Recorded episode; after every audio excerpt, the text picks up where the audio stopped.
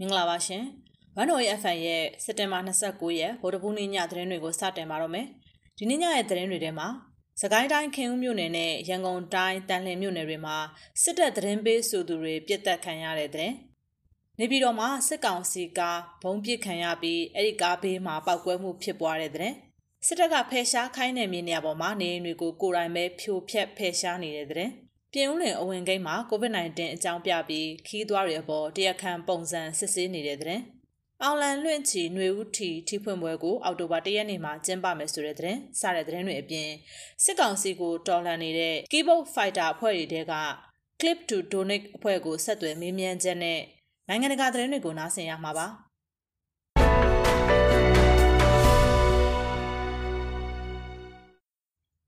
ရန်ကုန်တိုင်းတန်လင်းမြို့နယ်ဗိုလ်ချုပ်ကြီးရွာမှာနေထိုင်တဲ့စစ်ကောင်စီသတင်းပေးလို့အများကတတ်မှတ်ဆွဆွဲထားတဲ့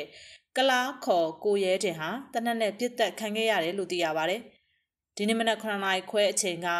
ဆယ်ပြေးကတ်ကျော်ဖျားနီးမှာတနက်နဲ့ပြစ်ခတ်ခံခဲ့ရပြီးတေဆုံးသွားတာပါ။အဲဒီနောက်၈နာရီခွဲအချိန်လောက်မှာစစ်ကောင်စီလက်အောက်ခံတန်လင်းရေတပ်ကစစ်ကားကားကြီး၃စီးအင်အား၁၀၀လောက်နဲ့အခင်းဖြစ်ရာနေရာကိုရောက်ရှိလာပြီးတော့တနက်၅ချက်ပြစ်ဖောက်ခဲ့တယ်လို့သိရပါတယ်။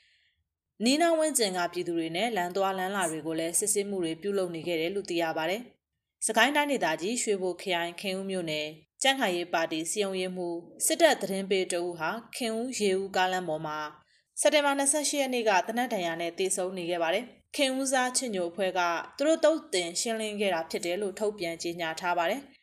ခင်ဦးမြို့နယ်တရက်ပင်စုကျေးရွာမှာနေတဲ့အသက်45နှစ်အရွယ်ကိုဝင်းသူရဟာတရက်ပင်စုကျေးရွာနဲ့အင်းပတ်ကျေးရွာအကြားခင်ဦးရေဦးကတ္တရာကားလမ်းပေါ်မှာတနက်တန်ရ၃ချက်နဲ့တေဆုံးနေတာပါကိုဝင်းသူရဟာတရက်ပင်စုကျေးရွာကြက်ခိုင်ရေးပါတီရဲ့စီယုံရဲမှုဖြစ်ပြီးစစ်ကောင်စီတပ်ကိုသတင်းပေးနေတဲ့ပြူစောထီအဖွဲ့ဝင်တဦးဖြစ်တယ်လို့ဒေသခံတွေကပြောပါတယ်ကိုဝင်းသူရကိုတနက်နဲ့ပြစ်ခတ်ခဲ့တဲ့ ခင်ဦးစားချစ်ညိုဖွဲ့ဟာစစ်ကောင်စီတပ်နဲ့စစ်ကောင်စီတပ်ရဲ့ထောက်တိုင်အားလုံးကိုတော်လှန်တိုက်ခိုက်နေတဲ့အဖွဲ့ဖြစ်တယ်လို့သိရပါတယ်။အဲဒီဖွဲ့ရဲ့ထုတ်ပြန်ချက်မှာပြူစောထီခေါင်းဆောင်ဒလန်ဝင်းသူရကိုတနက်နဲ့၃ချက်ပြစ်တက်ပြီးတွားလိုရငရဲကိုခင်ဦးစားချစ်ညိုဖွဲကပို့ဆောင်ပေးခဲ့သည်လို့ရေးသားထားပါတယ်။ခင်ဦးမြို့နယ်မှာစစ်ကောင်စီတပ်သတင်းပေးနဲ့ဒလန်လို့သတ်မှတ်ခံထားရသူတွေဇရက်အသက်ခံနေရပြီးတော့စုစုပေါင်းအသက်ခံရသူဦးရေဟာ28ယောက်ရှိနေပြီဖြစ်တယ်လို့သိရပါတ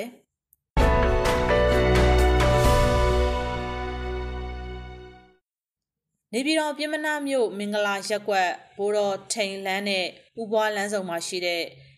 ကမ္ဘောဇဘန်ခွဲ၃နီးမှာဒီနေ့မနက်9:00နာရီအချိန်ကကားလမ်းပေါ်မောင်းနှင်နေတဲ့အကြမ်းဖက်စစ်ကောင်စီရဲ့ကားနီးပောက်ကွဲမှုဖြစ်ပွားခဲ့တယ်လို့ဒေသခံတွေထံကသိရပါဗျ။မောင်းနှင်နေတဲ့စစ်ကောင်စီကဘုံပစ်ခံခဲ့ရတာဖြစ်ပြီးတော့ကားဘေးပေါင်ကိုထိကပြန်ကန်ထွက်လာတဲ့ဘုံစံဟာအဲ့ဒီစစ်ကားနီးမှာပဲပောက်ကွဲမှုဖြစ်ပွားခဲ့တာပါ။မောင်းနေတဲ့ကားပေါ်ကိုလက်ပစ်ဘုံနဲ့ပစ်တာ ဘောင်နဲ့ထိပြီးတော့ဝင်မသွားဘူးအောက်ရောက်တော့မှပောက်ကွဲသွားတာပါလူတော့မထိဘူးရိတ်ခါလာလာဝဲတတ်တဲ့စစ်ကောင်စီဘက်ကကားကြီးပစ်ခံရတာလို့နေပြည်တော်ပြည်သူ့ကာကွယ်ရေးတပ်ကဆိုပါတယ်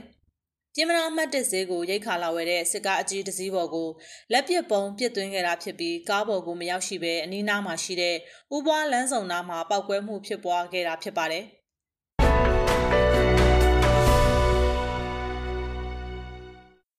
မန္တလေးတိုင်းဒေသကြီးစင်ကူးမြို့နယ်မှာရှိတဲ့ကျေးရွာ300ကဒေသခံတွေကိုတပ်ပိုင်မြေပေါ်မှာနေထိုင်နေလို့ဆိုပြီးစစ်ကောင်စီကဖိအားပေးဖယ်ရှားခိုင်းနေတာကြောင့်လက်ရှိမှာရွာသူရွာသားတွေဟာနေအိမ်တွေကိုသူတို့ကိုယ်တိုင်ဖြိုဖျက်ပြီးဘေးလွတ်ရာကိုပြောင်းရွှေ့နေကြရတယ်လို့ဒေသခံတွေကပြောပါတယ်။စင်ကူးမြို့တောင်ဘက်ငွေတောင်ကျေးရွာညောင်ဝန်းကျေးရွာနဲ့ရေထွက်ကြီးကျေးရွာ၃ခုကနေအိမ်တွေကို၃ရက်အတွင်းဖြိုဖျက်ဖယ်ရှားပေးဖို့နဲ့ မဖယ်ရှားပေးဘူးဆိုရင်နေအိမ်တွေကိုမိရှို့မယ်လို့စက်တင်ဘာ24ရက်နေ့ကအာနာသိန်းစစ်ကောင်စီတပ်ကလာရောက်ချင်းချောက်ပြောဆိုပြီးနောက်မှာဒေသခံတွေကဘေးလွတ်ရာကိုပြောင်းရွှေ့နေကြရတာပါ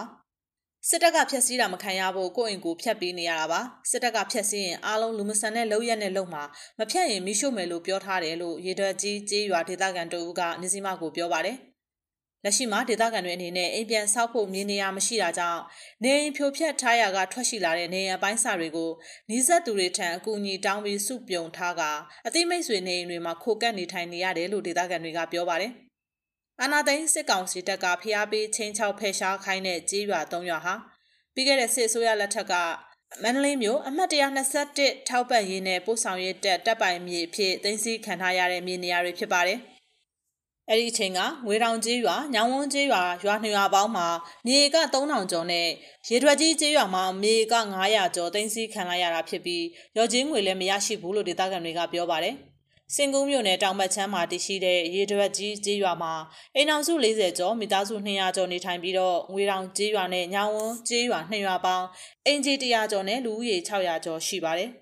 ပြီးခဲ့တဲ့2010ခုနှစ်သမရဦးသိန်းစိန်အစိုးရလက်ထက်နဲ့ NLD အစိုးရလက်ထက်တွေမှာမြေယာဥပဒေအတိုင်းတက်သိမ်းမြေကိုပြန်လည်ပေးအပ်ဖို့လျှောက်ထားတောင်းခံခဲ့ပေမဲ့စစ်တပ်ကပြန်လည်ဆွန့်လွတ်ခဲ့တာမရှိဘဲစစ်တပ်နဲ့ဒေသခံတွေအကြားမြေယာအငင်းပွားမှုတွေဖြစ်ပွားခဲ့ပါတယ်။လက်ရှိမှာစစ်အာဏာသိမ်းပြီးနောက်အာဏာသိမ်းစစ်ကောင်စီတပ်ကအဆိုပါကြေးရွာသူရွာသားတွေကိုတပ်ပိုင်မြေပေါ်မှာဝင်ရောက်နေထိုင်နေဆိုပြီးနေအိမ်တွေကိုဖြိုဖျက်ပြီးရပိုင်းအတွင်းပြောင်းရွှေ့ထွက်ခွာပေးဖို့ဖိအားပေးပြောဆိုလာတာဖြစ်ပါတယ်။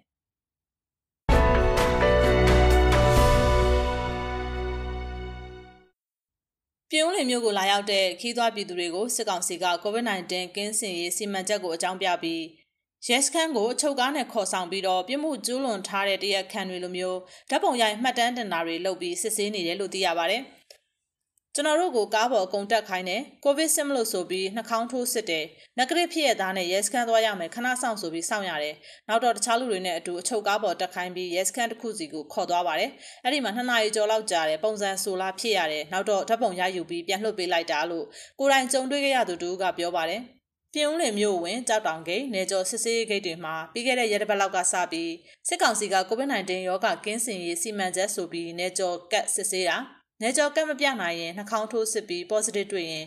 14ရက် quarantine ဝင်ခိုင်းတာ negative အဖြေထွက်တယ်ဆိုရင်လည်းအချုပ်ကားနဲ့ yes ခန်းကိုခေါ်ပြီးမှတ်တမ်းတင်ဓာတ်ပုံရယူတာတွေလုပ်နေတယ်လို့အခုရက်ပိုင်းပြင်းဦးလင်မျိုးကိုတွားရောက်သူတွေထံကသိရပါ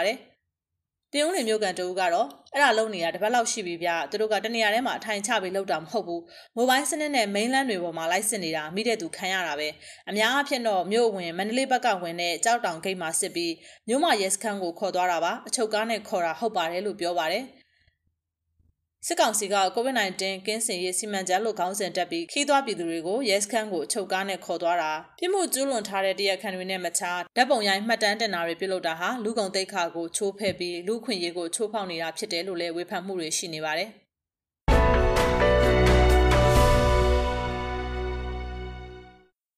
မြို့သားညီညွတ်ရေးအစိုးရ UNG ရဲ့အောင်လန်လွှင့်ချီຫນွေဦးကြီး Pilot Project ရဲ့ထိဖွင့်ပွဲကန်ထူးရှင်ရွေးချယ်ပွဲကိုအောက်တိုဘာ၁ရက်မနက်9:00နာရီချိန်မှာပြုလုပ်မှာဖြစ်တယ်လို့သိရပါတယ်။စီမံကိန်းဗန်နာရေးနဲ့ယင်းနှိမ့်မြုပ်နှံမှုပြောင်စုဝင်ကြီးဦးတင်ထွန်းနိုင်က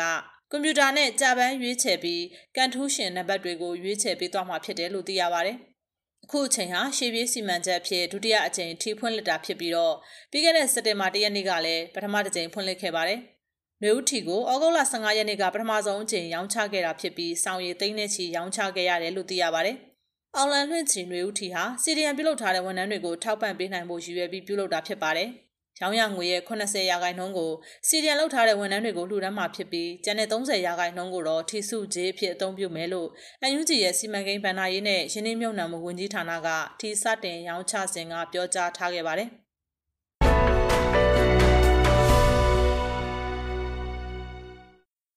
ကျန်းဖတ်အာဏာသိမ်းပြီးနောက်မှာစစ်ကောင်စီကိုနှီးမျိုးစုံနဲ့ဆန့်ကျင်ဆန္ဒပြနေကြပါတယ်။အဲဒီလိုဆန့်ကျင်ဆန္ဒပြနေတဲ့အထက်က online ကိုအသုံးပြုပြီးတော့ကျွမ်းကျင်တဲ့နေရာကနေပါဝင်ပြီးတော်လှန်နေကြတဲ့ keyboard fighter အဖွဲ့တွေလည်းရှိနေပါတယ်။စစ်ကောင်စီကိုတော်လှန်နေတဲ့ keyboard fighter အဖွဲ့တွေက clip to donate ဖွဲ့ကိုမြစီမာကဆက်သွယ်မေးမြန်းထားပါတယ်။နားဆင်ပါရှင်။ clip to donate မှာတစ်ဆင့်ကျွန်တော်တို့ကိုပါဝင်လှူဒန်းပေးကြသောအလှူရှင်များအားလုံးကိုအထူးကျေးဇူးတင်ပါတယ်။ ကျွန်တော်လက်ခံလူငွေရရှိငွေကတော့330တိတိကျွန်တော်လက်ခံရရှိပါတယ်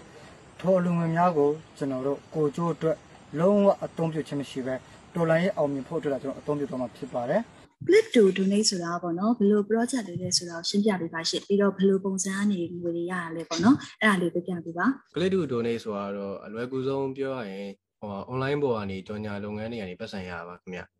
အဲကျွန်တော်တော်တော်များများလေးမြင်မှုကြပါလိမ့်မယ် ကျွန်တော်တို့ YouTube မှာသချင်းတွေနားထောင်ရင်ကြော်ညာလေးဝင်တာတို့ Facebook မှာဗီဒီယိုတွေကြည့်ရင်ကြော်ညာတွေဖြတ်ဝင်တာတို့ game တွေပါတွေစောနေရင်ကြော်ညာဝင်တာတို့ဟိုအများစုသိကြတဲ့ channel မြန်မာစကားတွေပါညာတောင်းရင်အချိန်တစ်ခုဆောင်ပြီးတော့ကြော်ညာကိုကြော်ရတာတို့အဲ့လိုပုံစံမျိုးကနေပတ်စံရပါခင်ဗျကျွန်တော်တို့မှာလက်ရှိ run နေတဲ့ project တွေက Telegram မှာ link တွေ click တာရှိမယ်ဟို website မှာ article တွေဖတ်ရင် Google ရဲ့ကြော်ညာစာပစ်ကနေပတ်စံရတာရှိမယ် အဲ YouTube မှာတခြင်းတွေပါတယ်ကြည့်မယ်ဆိုရင်အဲ့တခြင်းတွေမလာခင်ပေါ်လာမဲ့ကြော်ညာတွေကြောင့်ရတဲ့ပတ်စံဆိုပြီးရှိပါတယ်ခင်ဗျအာ application အနေနဲ့ဆိုရင်တော့အဲ့ application မှာရှိရဲ့စာလေးတွေဝင်ပတ် link လေးတွေဝင်နေပတ်စံရတာရှိပါတယ်ခင်ဗျကျွန်တော်ကျွန်တော်လုပ်သမျှ project တွေထဲမှာ application အာ website နဲ့ YouTube ကတော့ ကျွန်တော်ကလေးကနေလူကြီးအထွေဘယ်သူမှဆိုဝင်လို့လို့ရလောက်အောင်တကယ်ကိုလွယ်ကူလာတဲ့ project လေးပဲဖြစ်ပါတယ်ခင်ဗျဒီ click to donate ကိုပေါ့နော်ဘာကြောင့်လုပ်ဖြစ်တာလဲပေါ့ပြီးတော့ဘယ်ချိန်ကနေစပြီးလုပ်ဖြစ်တာလဲဆိုတော့လည်းပြပြပေးပါအောင်ရှင်ဟုတ်ကျွန်တော်မေလအကုန်လောက်မှာစပြီးတတိထားမိလာတာပေါ့နော်ပြည်ပြည်သူတွေကိုယ်တိုင်ဟိုကအခက်အခဲတွေဖြစ်လာပြီအဲစီရီယန်သမားတွေကိုလည်းထိရောက်ရောက်မထောက်ပံ့နိုင်ကြတော့ဘူးပေါ့နော်အလူခံရင်တော့မှ1000 2000တော့မနေ့ဖြစ်လာကြတဲ့အခြေအနေတစ်ခုပေါ့နော်ဒါဟာတထေးတွေနေနာကြတဲ့လူတွေကတော့နေတာသလိုနေကြပြီးတော့ ကျန်တဲ့လူတွေကအစင်မပြေဒီကိုကြက်တယ်ဖြစ်လာတဲ့အခြေအနေတစ်ခုပေါ့နော်ဟောအလူငွေတွေလည်းမထက်နိုင်တော့တဲ့အခြေအနေဖြစ်လာရင်ခင်ဗျအဲ့မှာအဲ့လိုကနေကျွန်တော်ဇွန်လလေလောက်မှာစပြီးတော့ဟိုဟာ channel ထောင်နဲ့ page လေးထောင်ပြီးတော့မှဒီကိစ္စတရားလေးကိုစပြီး run ဖြစ်တာပါခင်ဗျအဲ့ရမှာကျွန်တော်ရင်းနှီးရဲ့လူတွေကနေတစ်ဆင့်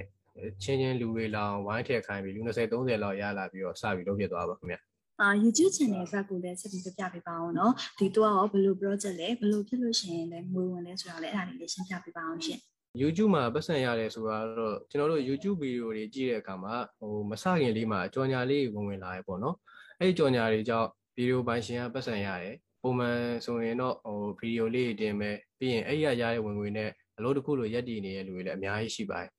အဲကျွန်တော်တို့ကတော့အဲ့ရရတဲ့ငွေတွေအကုန်လုံးကိုတော်လိုင်းရေးအတွက်သုံးဖို့ဖြစ်သွားပါခင်ဗျာ ကျွန်တော်တို့ပြီးခဲ့တဲ့လက1 million view YouTube project လေးတစ်ခုလုပ်ပြပါတယ်အဲအဲ့ဒီဟာအပါဝင်ပေါ့နော်စုစုပေါင်း YouTube channel ကနေရခဲ့တာက390ကျော်လောက်ရှိပါတယ်ခင်ဗျအဲအဲ့ဒါလေဒီလ21ရက်နေ့ကရခဲ့ပြီးတော့ PDF တရင်တွေကိုထောက်ပံ့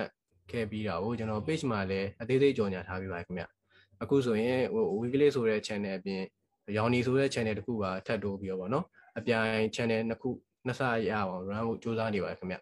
ဒီလကတော့နည်းနည်းမအောင်မြင်သေးဘူးလို့ပြောလို့ရတယ်ခင်ဗျ YouTube policy ဘာညာနဲ့ဆိုတော့လေ AD AD ပြုံဝင်တာကြောင့်ရက်နေတာလေးတော့ရှိပါတယ်ခင်ဗျတရက်မှာပြန်ပြန်ပြန်များပေါ့နော် clip ပေါင်းဘယ်နှခုလောက်ပြလဲပေါ့နော်ပြီးတော့ဒီ clip အရေးအတွက်နဲ့ငွေဝင်တာရောဘယ်လိုမျိုးအချိုးကျလဲဆိုတော့လည်းပြပြပေးပါအောင်ရှင်ဟုတ် Telegram မှာ click တာတော့ပုံမှန်ဆိုရင်အင်း click 3000ကနေ5000ကျလောက်အတက်ကြတွေရောရှိရခင်ဗျဟိုပတ်စံကဒေါ်လာနဲ့တွက်တာဆိုတော့လေဟိုမြန်မာငွေနဲ့အကြမ်းပြင်းပြောရင်မြန်မာငွေ 9ချက်လောက်တော့ရရခင်ဗျကလစ်9000ဆိုရင်တရက်ကို2သိန်းခွဲလောက်တော့ဖြစ်သွားပါဘောနော်အရင်လားရီတော့အရန်ဟော့သွားတဲ့အချိန်လေးတော့ရှိခဲ့မြအဲ့တော့တော့ကလစ်ပေါင်း3သိန်းတို့ပါရခဲ့သေးတယ်ကလစ်3သိန်းဆိုရင်တစ်နေ့ကို9သိန်းတော့ရတာခင်ဗျဟိုတစ်လဆိုရင်3150ပေါ့နော်တကယ်လို့ကျွန်တော်တို့ရဲ့ဒီ channel မှာရှိရဲ့ channel မှာရှိရဲ့လူအားလုံးသာနှိပ်ပေးနိုင်မယ်ဆိုရင်ဟိုတလတလကိုတိန်းထောင်ချီဝင်ပြီးတော့ကျွန်တော်တို့ PDF ကိုအများကြီးထောက်ပံ့နိုင်မယ့်အခြေအနေတစ်ခုပေါ့ခင်ဗျအခုလောလောဆယ်လက်ရှိမှာဒီ clip to do နေကနေရရှိရဲ့အလူငွေရပေါ့နော်ဘယ်လောက်လောက်ရှိသွားပြီလဲမသိဘူးရှင်ဟုတ်ဟိုလက်ရှိဒီ interview နေတဲ့အချိန်ထိပေါ့နော်စုစုပေါင်းပေးပို့ပြီးငွေကကျွန်တော်တိန်း1100ကျော်လောက်တော့ရှိပြီခင်ဗျကျွန်တော် official ကြီးညာထားတဲ့စင်းရောတိန်း900ကျော်ပါတိန်း200ကျော်လောက်ကိုဒီရက်ပိုင်းမှာကျွန်တော်ထပ်ကြီးညာဖို့ရှိသေးလို့လောက်ကုန်မှာလည်းတိန်းရကနန်းထပ်ပို့ဖို့ရှိပါသေးရဲ့ခင်ဗျ ပြီးတော့ဒီရလာတဲ့အလူငွေတွေပေါ့နော်ဘယ် data ဘယ်ဌာနတွေကိုပေါ့နော်ဒီထူတန်းသွားဖို့ရှိတယ်မသိဘူးရှင်ဟုတ်ဟိုကျွန်တော်တို့ကအဓိကကတော့ local PDF တွေကိုအဓိကထောက်ပံ့တာပါခင်ဗျတိုင်းပြည်ရဲ့အရေးကြီးဆုံးအချိန်ကိုရောက်နေမို့လို့လေဒီ PDF တွေကိုပဲရသမျှပုံဟောပြီးပေးဖို့နေရတယ်ဖြစ်ပါတယ်ခင်ဗျထူတန်းတဲ့အခါမှာရောပေါ့နော်ဘယ်လိုနေရာတွေကိုဘယ်လိုအချက်တွေနဲ့ကိုက်နေတဲ့နေရာတွေကိုရွေးချယ်ပြီးတော့လူတန်းဖြစ်တယ်ဆိုတော့လည်းပြပြပေးပါရှင်ဟုတ်ကျွန်တော်တို့ကတော့အဓိကအနေနဲ့ local PDF တွေဟိုဟာ EAO နယ်မြေနဲ့ဝေးပြီးတော့လက်နက်ပြည်စုံမှုကစားခက်ခဲနေတဲ့နေရာတွေကိုဟိုအဓိကစူးစမ်းပြီးတော့ကွက်လက်ဖြစ်ရဲ့သဘောအနေနဲ့ပြီးပို့ပေးပါတယ်တခါတလေတိုက်ပွဲအပြင်းထန်ဖြစ်နေတဲ့နေရာတွေဟိုဖြစ်ခဲ့ပြီးတဲ့နေရာတွေဖြစ်လာနိုင်ခြေရှိတဲ့နေရာတွေကိုပါထောက်ထောက်ပံ့ပေးပါတယ်ခင်ဗျအဲကျွန်တော်ကပြည်ပဆိုပေမဲ့ဒီဟိုစည်ရေးသတင်းတွေကိုအချိန်ပြည့်နှီးပါစောင့်ကြည့်နေရပြင်တခါ ဟိုမြေပြင်ဖွဲ့စည်းအချို့နဲ့လည်းဆက်သွယ်ရှိရမလို့ဟိုဘယ်နေရာတော့ဘယ်လိုဖြစ်နေပြီးဘာတွေလိုမယ်ဆိုတာကိုလိုက်ပြီးတော့စီးရေးအင်အားရလိုအပ်မဲ့နေရာကိုလိုက်ကူဖို့စူးစမ်းနေပါတယ်ခင်ဗျအခုဒီကူထားသမျှလည်းတကယ်တိုက်ပွဲပြင်းထန်ဖြစ်နေတဲ့ကရင်နီစကိုင်းချင်းအဲ့လိုနေရာတွေကိုအဓိကထားပြီးတော့ပေးပို့နေရပါဟိုတိတ်မကြခင်မှာလည်းအင်အားအရန်ကြီးရတပ်ပေါင်းစုကြီးတစ်ခုရ official supporter ဖြစ်ကြီးညာသွားဖို့လည်းရှိပါတယ်ခင်ဗျ click to donate ပေါ့နော်ဒီ click to donate မှာအလှူငွေတွေလိုချင်တယ်ဟိုအလှူငွေတွေလိုချင်လို့ဆက်သွယ်တာနဲ့ဆိုရင်ရောဘယ်လိုမျိုးဆက်သွယ်လို့ရမလဲမသိဘူးရှင်ဟုတ်ကဲ့အတော်ပဲခင်ဗျဒီမေးခွန်းလေးကိုမေးပြီးလို့ကျေးဇူးတင်ပါတယ်ဟောကျွန်တော်တို့ရရှိတဲ့ငွေအားရတနိုင်ငံလုံးကအဖွဲ့တွေကိုကူနိုင်ဖို့ဆိုတာမဖြစ်နိုင်ဘူးဆိုတာအားလုံးလည်းနားလည်ကြမှာပါဟိုအခုပဲကျွန်တော်ကျွန်တော်ကိုချိတ်ဆက်ပြီးဟိုကူညီပါမယ်လို့ခရီးပေးထားတဲ့အဖွဲ့က20ကျော်လောက်ကိုရှိပါတယ်ဟိုတစ်လကို3ပွဲနဲ့5ပွဲချားလောက်တော့ကူပြစ်ပါတယ် page မှာလည်းအခုနောက်ပိုင်းလာပြောကြတဲ့အဖွဲ့တွေကလည်းအများကြီးအများကြီးပေါ့နော်အဲ့လိုအားလုံးကူနိုင်ဖို့ဆိုတာတော့ဟိုကျွန်တော်ကျွန်တော်တို့အစိုးရတော့မလုပ်နိုင်သေးတဲ့အခြေအနေဆိုတော့လေကျွန်တော်တို့လိုတာမန်ရငွေလေးလောက်နေတော့မဖြစ်နိုင်သေးဘူးပေါ့နော်ဒါဒါကြောင့်လည်းကျွန်တော်ကဒီထက်မကအများကြီးကြိုးစားနေရတယ်ဖြစ်ပါတယ်ဟိုကျွန်တော်ဆိုညညဘက်တွေဆိုလည်းတော်တော်နဲ့မအိပ်ဖြစ်ပေါ့ဒီလမ်းတွေတခြားဖြစ်နိုင်တွေတောက်လျှောက်ရှာပြီးတော့ဒီ အလူငွေကိုပို့ဖို့ပဲအမြဲလုပ်နေတာပေါ့နော်။ဒါကြောင့်ဟိုလာပြောသမျှကိုမကူနိုင်သေးရင်လည်းဒီကနေပဲကျွန်တော်ကြိုပြီးတော့တောင်းပန်ခြင်းပါတယ်ခင်ဗျာ။ကျွန်တော်တို့ကျွန်တော်ကိုဆက်သွယ်ဖို့ဆိုရင် page မှာပဲလာပြောမှာပဲရမှာပါပဲခင်ဗျာ။ကျွန်တော်နေတဲ့နိုင်ငံလည်း single တောင် ID ပြပြီးဝယ်ရတဲ့နိုင်ငံဆိုတော့လေဒီကိစ္စမှာကျွန်တော်ဖုန်းတွေပါတွေတော့မသုံးထားဘူးပေါ့ခင်ဗျာ။ဟိုရရှိလုံးနိုင်ဖို့အတွက်ကလည်းပြပဆိုပေမဲ့ view site နေတဲ့သဘောလည်းပါပါခင်ဗျာ။အာ click to donate page အတူတွေပေါ်လာတဲ့အပေါ်မှာရောဘာပြောချင်လဲမသိရှင်ဟုတ် ဟို YouTube ပေါ်မှာရောကျွန်တော် Facebook ပေါ်မှာရော page အတူတွေပေါ်လာမျိုးတတိထားမိပါတယ်ဟို click to donate နာမည်တွေတခြားစင်တူရိုးမနာမည်တွေသုံးပြီးတော့ဗောနော်သူတို့ရဲ့အကိုကျိုးအတွက်ဝင်လုပ်နေတဲ့လူတွေအများကြီးရှိလာတော့တွေ့ရတယ်ဗျအဲ့ဒီ channel အတူတွေမှာကျွန်တော်ကျွန်တော်တို့အတွက်ကြည့်ပေးလုပ်ပေးနေကြတဲ့ဒီပြည်သူလူထုတွေအချင်းကုန်နဲ့ data ကုန်တာကုန်တာတွေအများကြီးဖြစ်ဖြစ်ကြရပါတယ်ကျွန်တော်တို့ဒီဒီလောက်နိုင်ငံအတွက်အရေးကြီးတဲ့အခြေအနေတစ်ခုမှာဘာကြောင့်ကိုကျိုးစည်းပွားတစ်ခုတည်းကိုကြည့်ပြီးတော့ဗောနော် တယောက်တည်းချမ်းသာပြီးတယောက်တည်းအစီအမင်းနေဖို့တော့လုံးရက်တလားပေါ့နော်ကျွန်တော်အဲ့ဒါလေးကိုဘလို့မှစဉ်းစားလို့မရနိုင်ဘူးခင်ဗျတကယ်လို့ပါဝင်ကြမယ့်ညီကောင်မောင်နှမတွေကလည်းတေချာကူးဆိုင်ပြီးကိုကျွန်တော်ပြောချင်ပါတယ်ကျွန်တော်တို့ရဲ့ page တွေ channel အစ်စ်တွေကိုပေးထားတဲ့ link တွေကနေတေချာလေးကြည့်ပြီးမှဝင်ပေးကြပါလို့ကျွန်တော်တောင်းဆိုချင်ပါတယ်ခင်ဗျာဒီတရင်အနေနဲ့ကပေါ့နော် clip to donate ကိုအာဒီ weekly youtube တို့မှာလှူနိုင်အောင်ဆိုလို့ရှိရင်ရောသူတို့ဘက်ကရောဘာတွေလုပ်ဖို့လိုရလဲမသိဘူးရှင်ကျွန်တော်အစောတုန်းကပြောသလိုပဲပေါ့နော်အလွယ်ကူဆုံးအလုပ်ဆရာတော့၃ခုရှိပါတယ်ခင်ဗျ ဟို application လေးကိုဖုန်းထဲမှာသွင်းပြီးတော့နေ့စဉ်9မိနစ်လောက်ဆိုပါတော့ဗျာအဲ9မိနစ်လောက်ဟိုထဲမှာ application ထဲမှာဟိုဘက်ဒီဘက်ဝင်နှိပ်ပေးတာမျိုးအဲ့လိုမျိုးလေးပေါ့နော်ကျွန်တော်ဘယ်လိုလုပ်ရမယ်ဆိုတာမျိုးကတော့မရှိပါဘူးခင်ဗျကြိုက်တယ်လို့လုပ်လို့ရပါတယ် application လေးထဲမှာရှိနေရောရပြီခင်ဗျဟောနောက်တစ်ခုကတော့ website ပေါ့လေကျွန်တော် website သုံးခုကိုကျွန်တော်တို့ရဲ့ website သုံးခုနေ့စဉ်ဝင်ဖတ်ပြီးကိုလိုပါတယ်ခင်ဗျပုံလေးတွေရှောက်ကြည့်ရမျိုးစာလေးရှောက်ဖတ်ပေးရမှာပဲခင်ဗျဟိုနောက်ဆုံးတစ်ခုကတော့ကျွန်တော်တို့ရဲ့ YouTube channel ဖြစ်တဲ့ ဟို weekly နဲ့ရောင်ဒီမှာဗီဒီယိုလေးကြုံရင်ကြုံလို့နေ့စဉ်ဝင်ကြည့်ပေးပါခင်ဗျပုံဒီကျွန်တော်တို့ရဲ့ဟိုလောက်ထားတဲ့ project တွေနဲ့ပတ်သက်ပြီးတော့အသေးစိတ်ညွှန်ကြားချက်လေးတွေဟိုအားလေးကိုတော့ကျွန်တော် page မှာထုတ်ပြန်ထားပါတယ်ခင်ဗျကျွန်တော်တို့ရဲ့ဟို Telegram channel လေးကိုဝင်လာပြီးတော့ပေါ့နော် URL shorten link လေးကိုနှိပ်ကြပါအဲ့ဒါလေးကိုတော့ကျွန်တော်ဖြည့်ဆိုပြီးပြောချင်ပါတယ်ခင်ဗျခုညီမမေးသွားတဲ့မိခွန်းထဲမှာမပါပဲပေါ့နော်တခြားအကူဘက်ကနေပြီးတော့ဖြည့်ဆိုပြီးပြောကြားခြင်းတဲ့စကားလေးရှင်တွေပြောကြားပေးပါအောင်ရှင် ဒီအကြောင်းကိုသိတဲ့တရက်လေးရဲ့ပါဝင်လေးကပါဝင်လို့ကတော့မထူးဘူးပေါ့ခင်ဗျဟိုနေ့စဉ်တစ်နေ့ကို15မိနစ်ကနေတနားရီလောက်အထိအချိန်ပေးပြီးတော့နေ့စဉ်ပါဝင်ပြီးတော့လိုမယ်ဗျနောက်ပြီးတော့လေဟိုကြော်ညာရရတဲ့ပတ်စံအပိုင်းရတယ်ဘယ်ချိန်ထိရမယ်ဆိုတာမသိရအကြောင်းအချိန်နေပေးတော့လေးတေချာလေးဝိုင်းလို့ပေးပေးသေးချင်ပါတယ်ခင်ဗျကျွန်တော်တို့ရှင်းမှာပြောခဲ့သလိုပဲလေဟိုလက်ရှိမှာ Click to Donate ရဲ့ project တွေမှာပါဝင်ပေးနေတဲ့လူကြီးက project အားလုံးစုစုပေါင်းမှာ4000ဝန်းကျင်လောက်ပဲရှိပါတယ်ခင်ဗျ Telegram မှာ click တဲ့လူဆိုရင်6000လောက်ပဲရှိရပါကျွန်တော်တို့တောထဲမှာဒီအနစ်နာခံနေကြတဲ့လူငယ်တွေလိုပဲမြို့ပေါ်မှာကြံခဲ့တဲ့လူငယ်တွေကသိန်းနဲ့တန်းနဲ့ချီပြီးတော့ရှိပါတယ်အဲ့ဒီတည်းကလူသသိန်းလောက်များလူသမျှအားလုံးပေါ်ပါဝင်ပြီးရင်ကျွန်တော်တို့ဒီထက်အများကြီးပိုပြီးတော့ကူနိုင်မှာပါအခုဆိုရင်အလူခံတဲ့ဘဏ်အကောင့်တွေကိုပိတ်တာမျိုးကျွန်တော်လူတဲ့ဘက်တွေလူတဲ့လူတွေကိုလိုက်တာမျိုးတွေလုပ်နေတဲ့အချိန်မှာကျွန်တော်တို့ကသူတို့တွေပိတ်ဆို့လို့မရနိုင်တဲ့နီလန်းနဲ့ငွေရှာပေးနေကြတာပါဟုတ်ကဲ့ကျွန်တော်တို့ကဒီစစ် အာဏာရှင်ကိုတိုက်ထုတ်ကြမယ်ကီးဘုတ်တက်သားကြီးပါဗျာအတူတူပါဝင်ပေးကြပါခင်ဗျာရေးတော်ပုံအောင်အောင်ရပါမယ်ခင်ဗျာတရားညတာမှုတော့ clear ချင်နေဒီလူမပြည်သူအတွက် clear ချင်နေငါတို့ရဲ့တော်လာရဲ့အတွက် clear ချင်နေ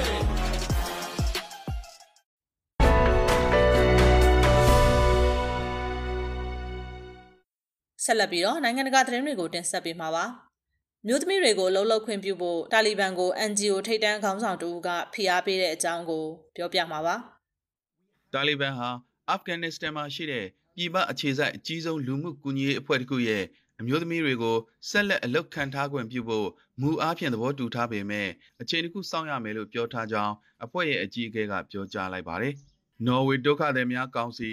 NRC ညွှန်ကြားရေးမှူးချုပ် ဂျန်အက်ဂယ်လန်အာဖဂန်ကိုရောက်ရှိလာတဲ့သတင်းပတ်အကုန်ပိုင်းကစပြီးအမျိုးသမီးများအလုတ်လောက်ကင်ခွင့်နဲ့မိန်းကလေးများပညာသင်ကြားခွင့်အတွက်အဓိကရည်ရွယ်ပြီးတာလီဘန်တွေနဲ့တရားဝင်တွေ့ဆုံဆွေးနွေးခဲ့ပါတယ်။တာလီဘန်ထိန်းချုပ်ရန်ဒေသတွေအပါအဝင်စီးရဲနွမ်းပါလာတဲ့နိုင်ငံမှာနိုင်ငံပေါင်းများစွာအကူအညီပေးခဲ့တဲ့ NRC ဟာအခုလိုတာလီဘန်နဲ့တွေ့ဆုံချိန်မှာအမျိုးသမီးတွေကိုပြန်လည်အလုတ်လောက်ကင်ဖို့ခွင့်မပြုခဲ့ဘူးဆိုရင်တန်ပေါင်းများစွာသောစင်ရဲနွမ်းပါသူတွေကိုကူညီဖို့ခက်ခဲသွားမှာဖြစ်ကြောင်းပြောဆိုခဲ့ပါတယ်။ ကျွန်တော်တို့ရဲ့အမျိုးသမီးဝန်ထမ်းတွေဟာသူတို့ရဲ့မျိုးသားလုပ်ဖော်ကင်ဘတ်တွေနဲ့အတူနိုင်ငံအတွင်းလွတ်လပ်စွာအလုပ်လုပ်ကင်ခွင့်ရဖို့လိုအပ်တယ်လို့တာလီဘန်ဝန်ကြီးတွေအုပ်ချုပ်သူတွေနဲ့တွေ့ဆုံအပြီးမှာအက်ဂယ်လန်ကပြောကြားလိုက်ပါတယ်။ NRC ရဲ့ဝန်ထမ်း၃ပုံတစ်ပုံဟာအမျိုးသမီးတွေဖြစ်ပါတယ်။ အက်ဂယ်လန်ရဲ့ပြောကြားချက်အရတာလီဘန်ဟာအမျိုးသမီးတွေကိုအလုတ်လုပ်ခွင့်ပြုဖို့မူအားဖြင့်သဘောတူထားပေမဲ့အကောင့်ထဲပေါ်ဖို့အတွက်နေရာများစွာနှိကွေးနေကြောင်းဝန်ခံထားပါတယ်။နေရဆွန့်ခွာထွက်ပြေးသူတွေအတွက်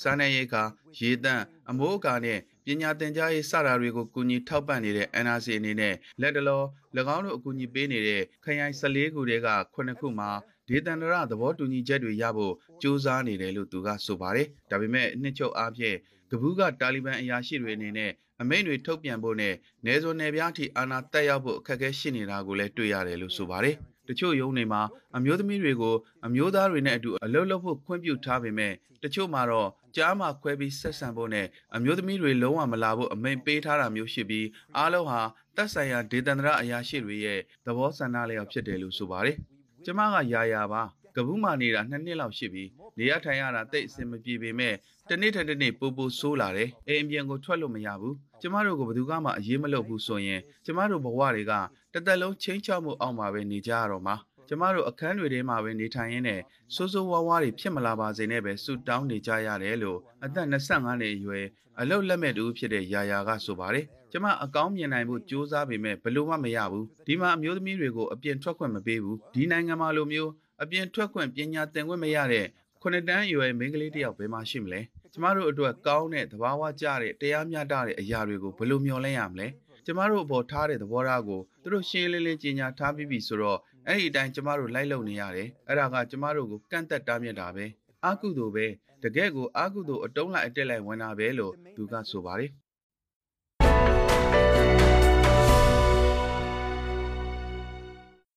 ပေါင်းအောင်နေရတဲ့အာဖဂန်လိန်တူချစ်သူတွေအကြောင်းနားဆင်ပါရှင်။ကဘူးရဲ့နေရာတိုင်းကိုတာလီဘန်တွေဝင်ရောက်လာချိန်မှာပဲလင်တူချစ်သူတွေဖြစ်ကြတဲ့မာဝါနဲ့သူ့ရဲ့တငယ်ချင်းဟာအကျဉ်းလင်မယားဖြစ်ပေါင်းသင်းနေထိုင်ဖို့ခက်ခဲတဲ့ဆုံးဖြတ်ချက်တစ်ခုကိုချမှတ်လိုက်ကြပြီးသူတို့ရဲ့အလော30လက်ထက်ပွဲကိုမိသားစုဝင်တွေနဲ့အခမ်းအနားတွေမပါဘဲကျင်းပခဲ့ကြပါတယ်။ တာလီဘန်တွေလာပြီးတက်တော့မှာပဲလို့ကိုဘာသာကိုရေရွတ်နေမိတယ်လို့24နှစ်အရွယ်၎င်းက WhatsApp မှာပြုလုပ်တဲ့အင်တာဗျူးမှာ AFP ကိုပြောပြခဲ့ပါတယ်။ကျမအရန်ကြောက်ပြီးတစ်ချိန်လုံးငိုနေမိတယ်။ဒါကြောင့်ကျမတငယ်ချင်းကိုလက်ထပ်ဖို့ပြင်ဆင်ခိုင်းလိုက်တယ်လို့လုံခြုံရေးအရာနာမည်ရင်းမဟုတ်တဲ့မာဝါကဆိုပါတယ်။1996ခုနှစ်တာလီဘန်အုပ်ချုပ်ရေးကာလအတွင်းကလိန်တူချစ်သူအမျိုးသားတွေကိုခဲနဲ့ပေါက်တက်ခြင်းနိုင်ရဟောင်းအမြင့်ပေါ်ကတွန်းချတက်ဖြတ်ခြင်းစတဲ့ ရက်ဆက်တဲ့ပြစ်ဒဏ်ပေးမှုတွေကြောင့်အာဖဂန် LGBT အများအပြားဟာတာလီဘန်ကိုကြောက်ရွံ့နေကြပါတယ်။စစ်သွေးကြွတွေကတော့ကဘူးကိုသိမ်းပိုက်ခဲ့တဲ့ဩဂုတ်လ15ရက်နေ့ကတည်းကအခုထိအောင်ဒီကိစ္စနဲ့ပတ်သက်ပြီးတစုံတရာပြောဆိုတာမျိုးမရှိသေးပေမဲ့အကြီးတန်းတရားသူကြီးဟောင်းဂူယာဟင်ကလိန်တူချစ်သူတွေအတွက်တေတံအပြစ်ပေးတာတွေပြန်လာလိမ့်မယ်လို့ Germany Bill သတင်းစာကိုပြောကြားခဲ့ပါတယ်။ပိုပြီးဆိုတာကတာလီဘန်ဟာ LGBT အခွင့်အရေးတွေကို ပြက်ပြက်သားသားဆန့်ကျင်တဲ့၎င်းတို့ရဲ့တင်းကျပ်တဲ့အစ္စလာမစ်ဥပဒေအပေါ်အနက်ပွင့်ဆိုချက်နဲ့အညီကျင့်သုံးသွားမယ်လို့အရင်ကလေတံအတိုင်းရှင်းရလင်းလင်းပြောကြားထားတာပဲဖြစ်ပါတယ်။သူတို့ရဲ့ဘဝဘေးအခြေအနေအတွက်အန်ဒီရရှိလာတဲ့လူငယ်လိန်သူချစ်သူအမျိုးသားမျိုးသမီးတွေဟာ social network တွေပေါ်ကခြေရာခံနိုင်တဲ့အချက်လက်အားလုံးကိုရှင်းလင်းပြီးပုံရှောင်ကုန်ကြတယ်လို့ NGO တွေနဲ့ AFP ကစုဆောင်းရရှိတဲ့သတင်းတွေအရသိရပါတယ်။လိန်လူချစ်သူအမျိုးသားတို့ကို ဘေးလွတ်ရာကိုခေါ်သွားမယ်လို့လိန်ညာခေါ်ယူပြီးလူတစုကမတင်းကျင်ရိုက်နှက်ခဲ့တယ်လို့ LGBT အခွင့်အရေးတက်ကြွလှုပ်ရှားသူတွေကမီဒီယာတွေကိုပြောပြခဲ့ပါတယ်။တာလီဘန်တွေဝင်လာဂါဇာကအိမ်ထဲကအိမ်ပြင်ကိုနှစ်ပတ်သုံးပတ်လောက်မထွက်ရဲခဲ့ဘူး။အခုတော့တာမန်လူတွေလိုပဲဝတ်စားပြီးအပြင်ကိုထွက်ဖြစ်တယ်လို့အနောက်ပိုင်း Harris မြို့က Abdullah က AFP ကိုပြောပြပါတယ်။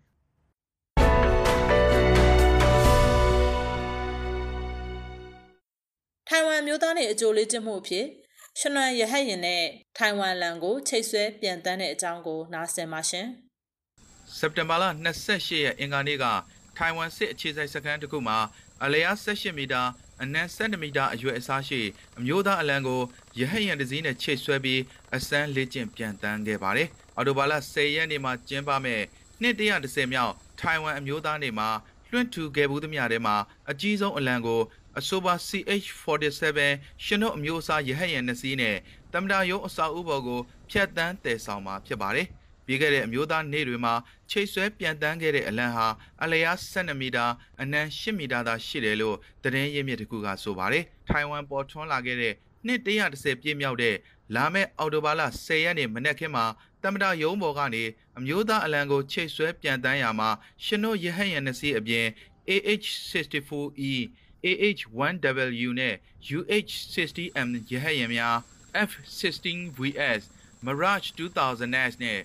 IDF တိုက်လေယာဉ်တို့လိုလေယာဉ်အမျိုးအစား12မျိုးပါဝင်အားဖြည့်ကလေကြောင်းစွမ်းရည်ပြသသွားမှာဖြစ်ပါတယ်။အဆိုပါလေကြောင်းစွမ်းရည်ပြသမှုနဲ့အပြိုင်မြေပြင်စီးရေးပြတပ်တွေကလည်းထိုင်ဝမ်ရဲ့အခရာဖြစ်တဲ့ဒုံးစနစ်တွေအပါအဝင်ကာကွယ်ရေးစွမ်းရည်တွေကိုပြသသွားမှာဖြစ်ပါတယ်။အဆိုပါစီးရေးပြပွဲအတွက် အကျိုးလေ့ကျင့်မှုတွေပြုလုပ်ဖို့တပ်ဖွဲ့တွေဟာစင်ချူးစစ်အခြေစိုက်စခန်းကိုရောက်ရှိနေပြီဖြစ်ကြောင်းသိရှိရပါတယ်။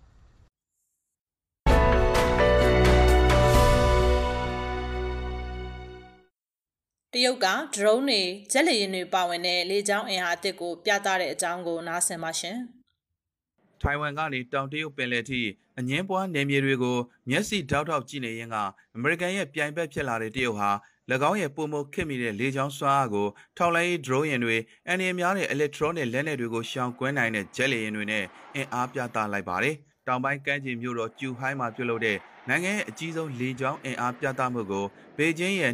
2035ခုနှစ်နောက်ဆုံးထားပြီးခေတ်သစ်စစ်ပွဲတွေအတွက်စစ်အင်အားကိုပြင်ဆင်ဖို့တွန်းအားပေးလှုပ်ဆောင်နေမှုကိုပြသလိုက်တာဖြစ်ပါတယ်။တရုတ်ဟာစစ်လက်နက်ကဏ္ဍမှာအမေရိကန်ရဲ့နီးပညာနဲ့ယင်းနှိမ့်မြုံနှံမှုထက်နောက်ကျကျန်နေပေမဲ့ကွာဟမှုသိမရှိတော့ဘူးလို့ကျွမ်းကျင်သူတွေကဆိုပါတယ်။ ယခုနှစ်အတွင်းကအမေရိကန်ထောက်လှမ်းရေးအစီအခံစာတစ်ခုမှာတရုတ်ရဲ့ဩဇာကြီးထွားလာမှုကအမေရိကန်အတွက်အကြီးမားဆုံးချိန်ချောက်မှုတစ်ခုဖြစ်လာတယ်လို့ထောက်ပြထားပါတယ်။စက်တင်ဘာလ28ရက်အင်္ဂါနေ့ကကျူဟိုင်းမှာထုတ်ဖော်ပြသခဲ့တဲ့ပြည်တွင်းနည်းပညာတွေထဲမှာတိုက်ခိုက်မှုတွေပြုလုပ်နိုင်စွမ်းရှိတဲ့ထောက်လှမ်းရေး drone ရဲ့အသစ်တစ်ခုရဲ့ရှေ့ပြေးပုံစံတစ်ခုကိုမြင်တွေ့ခဲ့ရပါတယ်။တောင်ပန်အကျယ်20.5မီတာနဲ့အရှိ15.8မီတာရှိတဲ့ Super Drone ဟာ ဒုံးကျည်တွေကိုတည်ဆောင်နိုင်ပြီးထောက်လှမ်းရေးနဲ့တိုက်ခိုက်ရေးစစ်ဆင်မှုတွေအတွက်ဒီဇိုင်းပြုလုပ်ထားတာဖြစ်တယ်လို့အလွတ်တန်းထောက်လှမ်းရေး Agency James ကဆိုပါတယ်။အခြားအသစ်ဆန်းပြသမှုတွေအဖြစ်နေကြားစောင့်ကြပ်မှုနဲ့ရေချောင်းကင်းလှည့်ခြင်းတွေပြုလုပ်နိုင်တဲ့အမြင့်ပြန် drone WZ7 နဲ့ electronic လက်နက်တွေကိုဟန်တားနိုင်တဲ့တိုက်ခိုက်ရေးဂျက်လေယာဉ် J16D တွေလည်းပြန်တာခဲ့ပါတယ်။နှမျိုးစလုံးကိုလေတပ်မှာလက်ရှိအသုံးပြုနေပြီဖြစ်တယ်လို့ပြည်တွင်းမီဒီယာတွေကဖော်ပြခဲ့ပါတယ်။ဒီလက်နက်အသစ်တွေဟာထိုင်ဝမ်ရေလက်ကြားနဲ့တောင်တရုတ်ပင်လယ်အရေးတစ်ခုလုံးမှာအရေးပါတဲ့အခန်းကဏ္ဍကပါဝင်လိမ့်မယ်လို့စီရေးသုံးသက်သူစုံချောင်းဖိန်က AFP ကိုပြောပြပါတယ်။တခြားနိုင်ငံတွေနဲ့အငင်းပွားနေစေဖြစ်တဲ့တောင်တရုတ်ပင်လယ်ရေပိုင်တဲ့အားလုံးနှီးပါးကို တရုတ်က၎င်းတို့ပိုင်ဆိုင်ကြောင်းပြောဆိုထားသလိုကိုပိုင်အုပ်ချုပ်ခွင့်ရထိုင်ဝမ်ကျွန်းဟာလည်းတရုတ်ရဲ့ခွဲထုတ်လို့မရတဲ့စိတ်ပိုင်းတစ်ခုဖြစ်တယ်လို့ဆိုပါတယ်။တရုတ်ဟာပေါ်ချောင်းကောင်း drone တွေနေရာမှာနီးပညာမြင့် drone တွေနဲ့အစားထိုးပြီးရှင်းရှင်းလင်းလင်းနေရာယူလာခဲ့တယ်လို့ James Company ရဲ့လေ့လာသုံးသပ်သူ Calvin Wan ကဆိုပါတယ်။အမေရိကန်နဲ့ဥရောပနိုင်ငံတွေကအလားတူစစ်လက်နက်တွေကို၎င်းတို့ရဲ့လက်ရွေးစင်မာမိတ်အုပ်စုရဲ့ပြင်ပကိုထောက်ပံ့ပေးအပ်ဖို့ခြေတုံချတုံဖြစ်နေခဲ့တယ်လို့သူကဆိုပါတယ်။တရုတ် drone တွေကတော့ အရှိအလဲပိုင်းစစ်ပွဲတွေမှာအသုံးပြုတာတွေ့ကြရသလိုအခြားဒေသတွင်းနိုင်ငံတွေကိုပါရောင်းချပေးနေတာကိုတွေ့ရပါတယ်။အလားတူ J16D jet တိုက်လေယာဉ်ဟာလည်းပြည်သူ့လွတ်မြောက်ရေးတပ်မတော်ရဲ့အလုံးစုံတိုးတက်လာတဲ့တိုက်ခိုက်ရေးစွမ်းရည်တွေကိုတွေ့မြင်ကြရတယ်လို့စင်ကူနန်ယန်နီးပညာတက္ကသိုလ်ကတရုတ်ဆက်လက်နဲ့ကျွမ်းကျင်သူ James Cha ကဆိုပါတယ်။ဒါကတကယ်သိတာတဲ့တိုးတက်မှုတစ်ခုဖြစ်ပါတယ်။ အဲ့ဒါကလေကြောင်းရန်ကာကွယ်ရေးအတွက်အထူးလှုပ်ဆောင်ထားတဲ့ပြစ်မှတ်တွေကိုဝေဟင် electronic စစ်စင်ရေးတွေပြုလုပ်နိုင်တဲ့စွမ်းရည်တွေတရုတ်စစ်တပ်ကိုပိုင်ဆိုင်သွားစေတယ်လို့သူကဆိုပါတယ်။